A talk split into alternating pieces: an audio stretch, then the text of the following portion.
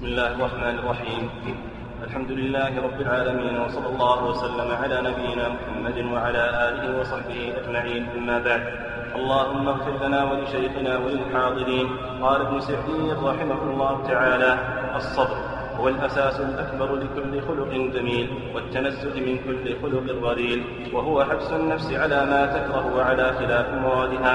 طلبا لرضا الله تعالى وثوابه ويدخل فيه الصبر على طاعة الله وعن معصيته وعلى أقدار الله المؤلمة فلا تتم هذه الأمور الثلاثة التي تجمع الدين كله إلا بالصبر. فالطاعات خصوصا الطاعات الشاقة كالجهاد في سبيل الله والعبادات المستمرة. كطلب العلم والمداومة على الأقوال النافعة والأفعال النافعة لا تتم إلا بالصبر عليها وتمرين النفس على الاستمرار عليها وملازمتها ومرابطتها. وإذا ضعف الصبر ضعفت هذه الأفعال وربما انقطعت.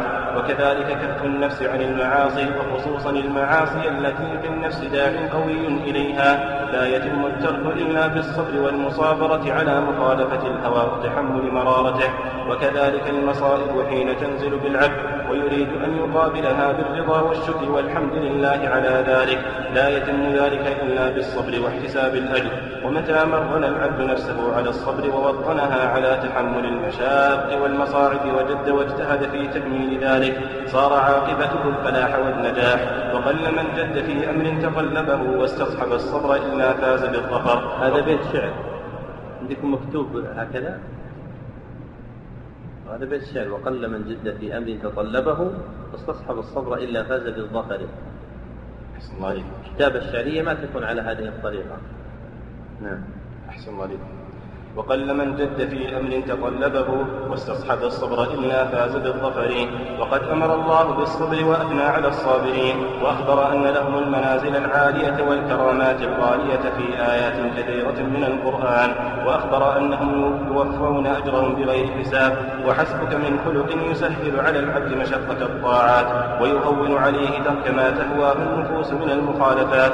ويسليه عن المصيبات. ويمد الأخلاق الجميلة كلها ويكون يكون لها كالأساس للبنيان ومتى علم العبد ما في الطاعات من الخيرات العاجلة والآجلة وما في المعاصي من الأضرار العاجلة والآجلة وما في الصبر على المصائب من الثواب الجزيل والأجر الجميل. سهل الصبر على النفس وربما أتت به منقادة مستحية لثمراته. وإذا كان أهل الدنيا يهون عليهم الصبر على المشقات العظيمة لتحصيل حطامها فكيف لا يهون على المؤمن الموفق الصبر على ما يحبه الله لحصول حصول ثمراته ومتى صبر العبد لله مخلصا في صبره كان الله معه. فإن الله مع الصابرين بالعون والتوفيق والتأييد والتسديد. تقدم أن المصنف رحمه الله تعالى جعل كتابه ثلاثة أقسام وقد فرغ من القسم الأول منها المتعلق ببيان الاعتقاد الوارد في القرآن الكريم ثم أتبعه في القسم الثاني وهو المشتمل على ما في القرآن الكريم من بيان الأخلاق والآداب الفاضلة. ومن جملة تلك الآداب والأخلاق الفاضلة ما ذكره ها هنا وهو خلق الصبر. وقد قال رحمه الله تعالى في طليعة كلامه هو الأساس الأكبر لكل خلق جميل والتنزه من كل خلق رذيل. فإن تمكن النفس من امتثال الأخلاق الجميلة والتنزه من الأخلاق المسترذلة يحتاج إلى صبر فهو أساسها الأكبر وعمودها الأعظم. ثم بين رحمه الله تعالى حقيقته فقال وهو حبس النفس على ما تكره وهذا بالحد اللغوي أشبه منه بالحد الشرعي. وتقدم أن الصبر شرعا هو حبس النفس على حكم الله. هو حبس النفس على حكم الله وحكم الله نوعان أحدهما أحدهما حكم الله القدري والآخر حكم الله الشرعي. فإذا حبس الإنسان نفسه على هذين الحكمين صار صابرا. وتقدم من قبل أن المراد بالحكم القدري المتعلق بالصبر هو الأقدار المؤلمة لأن الأقدار الملائمة تجري وفق شهوة النفس وهواها فما يصيبه الإنسان من سعة ورخاء وصحة وقوة وترف هو ملائم للنفس فلا يحتاج إلى صبر وإنما الذي يفتقر إلى صبر هو القدر المؤلم أي الموجع الذي تجد فيه النفس غصة وضنكا وضيقا. وتقدم أيضا أن الحكم الشرعي يندرج فيه فيما يتعلق بالصبر شيئان أحدهما الصبر على طاعة الله والثاني الصبر عن معصية الله لأن حكم الله الشرعي دائر بين هذا وذاك ومن هذين الحكمين نتج القول بأن الصبر ثلاثة أنواع أحدها صبر على أقدار الله وثانيها صبر على طاعة الله وثالثها صبر عن معصية الله فإن هذه الأنواع الثلاثة مندرجة في الحكمين المتقدمين من حكم ربنا سبحانه وتعالى وهما حكمه القدري والشرعي. وزاد أبو العباس ابن تيمية الحفيظ قسما رابعا من أقسام الصبر وهو الصبر عن الهوى. وهذا القسم الذي ذكره أبو العباس ابن تيمية الحفيظ رحمه الله تعالى راجع إلى الصبر على طاعة الله سبحانه وتعالى أو الصبر عن معصية الله. فإن الهوى إما أن يكون داعيا إلى المعصية أو داعيا إلى ترك طاعة الله عز وجل فيكون مندرجا فيهما. لكنه أفرده رحمه الله تعالى اعتناء به وبيانا لشدة ضرره. فإن فساد الدين ودخول الفرقة إنما يكون من انتشار الأهواء. لأجل عظيم أثره أفرده رحمه الله تعالى فعد من أنواع الصبر الصبر عن الهوى يعني عن اتباع داعيه. ثم قال رحمه الله تعالى ويدخل فيه الصبر على طاعة الله وعن معصيته وعلى أقدار الله المؤلمة. وهذه أنواع الصبر الثلاثة كما تقدم. فلا تتم هذه الأمور الثلاثة التي تجمع الدين كله إلا بالصبر أي أن المرأة لا يدرك امتثال الطاعة والانتهاء عن المعصية والانكفاف على قدر الله عز وجل مسلما له إلا بوجود الصبر معه. ثم قال فالطاعات خصوصا الطاعات الشاقة كالجهاد في سبيل الله والعبادات المستمرة كطلب العلم والمداومة على الأقوال النافعة والأفعال النافعة لا تتم إلا بالصبر عليها وتمرين النفس على الاستمرار عليها وملازمتها ومرابطتها وإذا ضعف الصبر ضعفت هذه الأفعال وربما انقطعت لأن هذه الأفعال هي خلاف مألوف النفس والنفس تأنف من فطامها عن مألوفها ولا تسلم زمامها إلا بمراغبتها بتصبيرها على المطلوب. فإذا راغمها الإنسان وصبرها على مطلوبه من الطاعات الشاقة كالجهاد وطلب العلم وداوم على ذلك فإن النفس ترتاض وتقبل تلك الرياضة. وفي الصحيحين من حديث أبي سعيد الخدري رضي الله عنه أن النبي صلى الله عليه وسلم قال من يتصبر يصبره الله. أي أن من حمل على نفسه برياضة الصبر ودربها ومرنها على ذلك فإنها تنقاد له. لكن ذلك يحتاج إلى جهاد عظيم لأن التصبر تفعل من طلب الصبر وذلك يحتاج إلى تكلف لأن هذا البناء عند علماء العربية دال على التكلف. وإذا قيل تكلم وتحلم وتصبر دل, دل ذلك على أن طلبه لا يكون إلا بمراغمة وكلفة. فلا يستطيع المرء أن يروض نفسه على الصبر في طلب الطاعات إلا برياضة تكون فيها نوع مشقة. ثم ذكر المصنف رحمه الله تعالى بعدما أرشد إليه من الأمر بالصبر في تحصيل الطاعات أرشد إلى الأمر بالصبر في كف النفس عن المعاصي فقال وكذلك كف النفس عن المعاصي وخصوصا المعاصي التي في النفس داع قوي إليها. لا يتم الترك إلا بالصبر والمصابرة على مخالفة الهوى وتحمل مرارته فإن المرأة لا ينزع نفسه عن غيها ولا يكفها عن اتباع هواها في مطالبها من المعاصي إلا بالصبر ولا سيما تلك المعاصي التي في النفس داع قوي إليها كمحبة النفس للذكر والفخر ورؤية المقام والعلو في الأرض فإن هذه أشياء توجد في النفس طبيعة فيحتاج الإنسان إلى مراغمة شديدة في كفها عن تلك الأمور التي تميل إليها وتطلب وجودها فيها.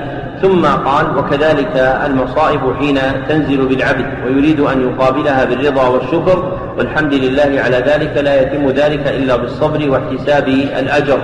فإن من نزلت به مصيبة لم يمكنه قلع أثرها ولا دفع شدتها إلا بمواجهتها بالصبر عليها. وما ذكره رحمه الله تعالى من إرادة مقابلتها بالرضا والشكر يقصد بذلك أن الصبر لا بد أن يتقدمها لأن تلقي العبد للمصائب النازلة هو على ثلاثة مقامات. ذكرها أبو العباس بن تيمية وتلميذه ابن القيم. أحدها أن يتلقاها بالصبر وثانيها أن يتلقاها بالرضا وثالثها أن يتلقاها بالشكر. والرضا والصبر لا يمكن أن يوجد إلا بتقدم الصبر عليهما وهذا معنى قول المصنف ويريد أن يقابلها بالرضا والشكر أي أنه لا يمكن أن يقابلها بالمرتبة العالية حتى يقدم المرتبة التي دونهما وهي مرتبة الصبر. فإذا نزل بالإنسان مصيبة فصبر عليها فإنه يجد مع ذلك الصبر مرارة لا يجدها في الرضا. فإن الراضي بقدر الله لا يجد تلك المرارة بخلاف الصابر. وأما الشاكر فإنه تنقلع منه تلك المرارة بالكلية ثم يشكر الله عز وجل على المصيبة التي نزلت به لأنه يرى أن الله عز وجل لم يقدرها عليه إلا وفيها خير له. فمرتبة الشكر أعلى تلك المراتب التي يتلقى بها العبد المصيبة. ثم قال ومتى مرن العبد نفسه على الصبر ووطنها على تحمل المشاق والمصاعب وجد واجتهد في تكميل ذلك صار عاقبته الفلاح والنجاح. وقل من جد في أمر تطلبه واستصحب الصبر إلا فاز بالظفر. فإذا مرن الإنسان نفسه على الصبر على ما ينزل به من مصائب أو ما يؤمر به من طاعة أو ما تدعو إليه النفس من معصية فإن نفسه ترتاض على ذلك. وأما من ترك للنفس زمامها ولا سيما في المصائب فإنه يصيبه ما ذكره بعض السلف. وهو في كلام أبي العباس بن تيمية الحفيد لكنه يوجد في كلام بعض الأقدمين أنه قال من لم يصبر صبر الكرام سلا سلو البهائم. يعني أن العبد إذا لم يصبر صبر الكرام الذين يتدرعون بالصبر عند نزول المصيبة ويلجمون أنفسهم عن غيها وهواها فإنه يسلو سلو البهائم. أي أن ما يجده من غمة وحزن بسبب ما نزل به سيذهب كما تذهب المصائب عن البهائم. فإن البهيمة إذا فقدت وليدها حنت وأنت يوما أو يومين أو ثلاثة أو أكثر فما هي إلا مدة يسيرة حتى تنسى ما حل بها من مصيبة وترجع إلى ما كانت عليه من عادة. فكذلك المرء إذا لم يصبر عند نزول المصيبة به وحلولها عليه فإنه سيسلو بعد ذلك كما سلت البهائم فإن المرأة بعد أسبوع من المصيبة ليس كيوم نزلت أول مرة وهو بعد شهر ليس كأول نزولها في ذلك اليوم الذي وجدت فيه وهو بعد مدة أكثر يشبه أن يكون نسي تلك المصيبة لأن من نعمة الله عز وجل على الخلق أن من عليهم بالنسيان وإن من منافع النسيان أن المرء يزول به كدر المصيبة وشدتها إذا نسي. ولو أن المرء بقي مستحضرا شدة المصيبة التي أحاطت به فإنه لا تحلو له الحياة. وإذا تتابعت المصائب مع عدم النسيان صارت الحياة مرة منغصة لا يريدها المرء. لكن من نعم الله عز وجل على العباد كلهم النسيان للمصائب. ثم اختص الله عز وجل أهل الإيمان بنعمة الإيمان. فإن نعمة النسيان والإيمان أعظم نعمتين في دفع المصائب فمن وهبه الله عز وجل هاتين النعمتين العظيمتين اندفعت عنه آثار المصائب ولم يجد لها ألما. ثم ذكر رحمه الله تعالى أن الله أمر بالصبر يعني في آيات عظيمة في قوله تعالى يا أيها الذين آمنوا اصبروا وصابروا ورابطوا وهي أبلغ الآيات في الأمر بالصبر وأثنى الله عز وجل على الصابرين يعني مدحهم. وأخبر أن لهم المنازل العالية والكرامات الغالية في آيات كثيرة من القرآن كما قال تعالى وبشر الصابرين فذكر لهم بشارة وأخبر أنهم يوفون أجرهم بغير حساب كما قال تعالى إنما يوفى الصابرون أجرهم بغير حساب.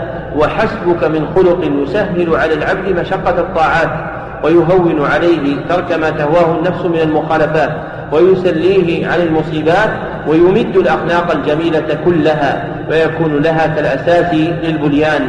فالصبر مرتكز عظيم شيدت عليه هذه المعاني التي ذكرها المصنف من قبول الطاعة وترك المعصية والسلوة عن المصيبة. ثم قال المصنف ومتى علم العبد ما في الطاعات من الخيرات العاجلة والآجلة وما في المعاصي من الأضرار العاجلة والآجلة وما في الصبر على المصائب من الثواب الجزيل والأجر الجميل؟ سهل الصبر على النفس فإن من يستحضر الثمرات المرتقبة والخيرات المنتظرة في الدنيا والآخرة جزاء الصبر على فعل الطاعة وترك المعصية وقبول المصيبة وعدم التجزع والتسخط عند ورودها فإن ذلك يسهل الصبر على النفس. وربما أتت به منقادة مستحلية لثمراته. أي ربما جاءت النفس بالصبر منقادة مسلمة مستحية لثمراته لأنها تجد حلاوة منتظرة فيما ترجوه من عاقبة صبرها. ثم قال وإذا كان أهل الدنيا يهون عليهم الصبر على المشقات العظيمة لتحصيل حطامها فيصبرون في تحصيل مراداتهم منها صبرا عظيما. فكيف لا يهون على المؤمن الموفق الصبر على ما يحبه الله؟ لحصول ثمراته فإذا كان أهل الدنيا يصبرون لأجل حصول دنيا زائلة فإن العاقل يصبر لأجل حصول آخرة باقية. ثم قال ومتى صبر العبد لله مخلصا في صبره كان الله معه أي من تصبر بالله عز وجل صادقا فإن الله عز وجل يمده ويعينه ويكون معه. فإن الله مع الصابرين بالعون والتوفيق والتأييد والتسديد. وهذا معنى معية الله للصابرين الملفوظة في القرآن الكريم. فإنها ليست معية عامة وإنما يراد بها معية خاصة. وهذه المعية الخاصة هي التي تتضمن العون والتوفيق والتأييد والتسديد. فمن صبر كان الله عز وجل معه معينا وموفقا ومؤيدا ومسددا. نعم. الله عليكم. العلم قد أمر الله بتعلم جميع العلوم النافعة لا سيما علم ما أنزل الله على رسوله من الكتاب والحكمة الذي يجمع كل علم نافع وأمر بسؤال أهل العلم لمن لم يعلم وأخبر برفعتهم في الدنيا والآخرة وأنهم سادات الخلق في دنياهم وأخراهم وأئمتهم الذين بهم يقتدون وعلى آثارهم يهتدون وعلى طريقتهم يسلكون فالعلم يقصر التعبير عن كنه فضله وعلو مرتبته ويكفي في هذا أن جميع الأقوال والأفعال والإرادات متوقفة في صحتها وفسادها وكمالها كمالها ونقصها وفي جميع صفاتها على العلم. ما حكم به العلم من ذلك فهو كما قال وإن العلم نور للصدور وحياة للقلوب. به يعرف, يعرف الله وبه يعبد وبه يعرف الحلال من الحرام والطيب من الخبيث وبه يميز بين الأبرار والفجار وأهل الجنة وأهل النار. والعلم يقوم ما اعوج من الصفات ويكمل ما نقص من الكمالات ويسد الخلل ويصلح العمل. وبه صلاح الدين والدنيا وبضده فساد ذلك ونقصه. العلم ميراث الرسول والعلماء ورثة الأنبياء. فإن الأنبياء لم يورثوا إلا العلم. فمن أخذ به أخذ بحظ وافر. ولولا العلم لكان الناس كالبهائم. والحاجة إلى العلم أعظم من الحاجة إلى الطعام والشراب والعلم النافع هي العلوم الشرعية وما أعان عليها من علوم العربية بأنواعها ومن العلوم الشرعية تعلم الفنون المعينة على الدين وعلى قوة المسلمين وعلى الاستعداد للأعداء للمقاومة والمدافعة فإنها داخلة في الجهاد في سبيل الله فكل أمر أمر به الشارع وهو يتوقف على أمور كانت مأمورا بها والله أعلم. ذكر المصنف رحمه الله تعالى من الآداب والأخلاق المبينة في القرآن خلق العلم وأدبه. فإن الله سبحانه وتعالى أمر بتعلم جميع العلوم النافعة وأعظمها علم ما أنزل الله على رسوله من الكتاب والحكمة الذي يجمع كل علم نافع. بل العلم النافع هو ما جاء به النبي صلى الله عليه وسلم وما دار في فلكه فهو تابع له وما خرج عنه فإنه أجنبي عنه. في هذا المعنى قال أبو العباس بن تيمية الحفيد العلم ما قام عليه الدليل والنافع منه ما جاء به الرسول صلى الله عليه وسلم. فما جاء به النبي صلى الله عليه وسلم من الكتاب والحكمة هو العلم النافع حقيقة. وقد أخبر الله عز وجل عن فضائل أهله برفعتهم في الدنيا والآخرة فإن من أعظم أسباب الرفعة العلم. والله سبحانه وتعالى ذكر الرفعة في ثلاثة مواطن كما ذكر ابن القيم.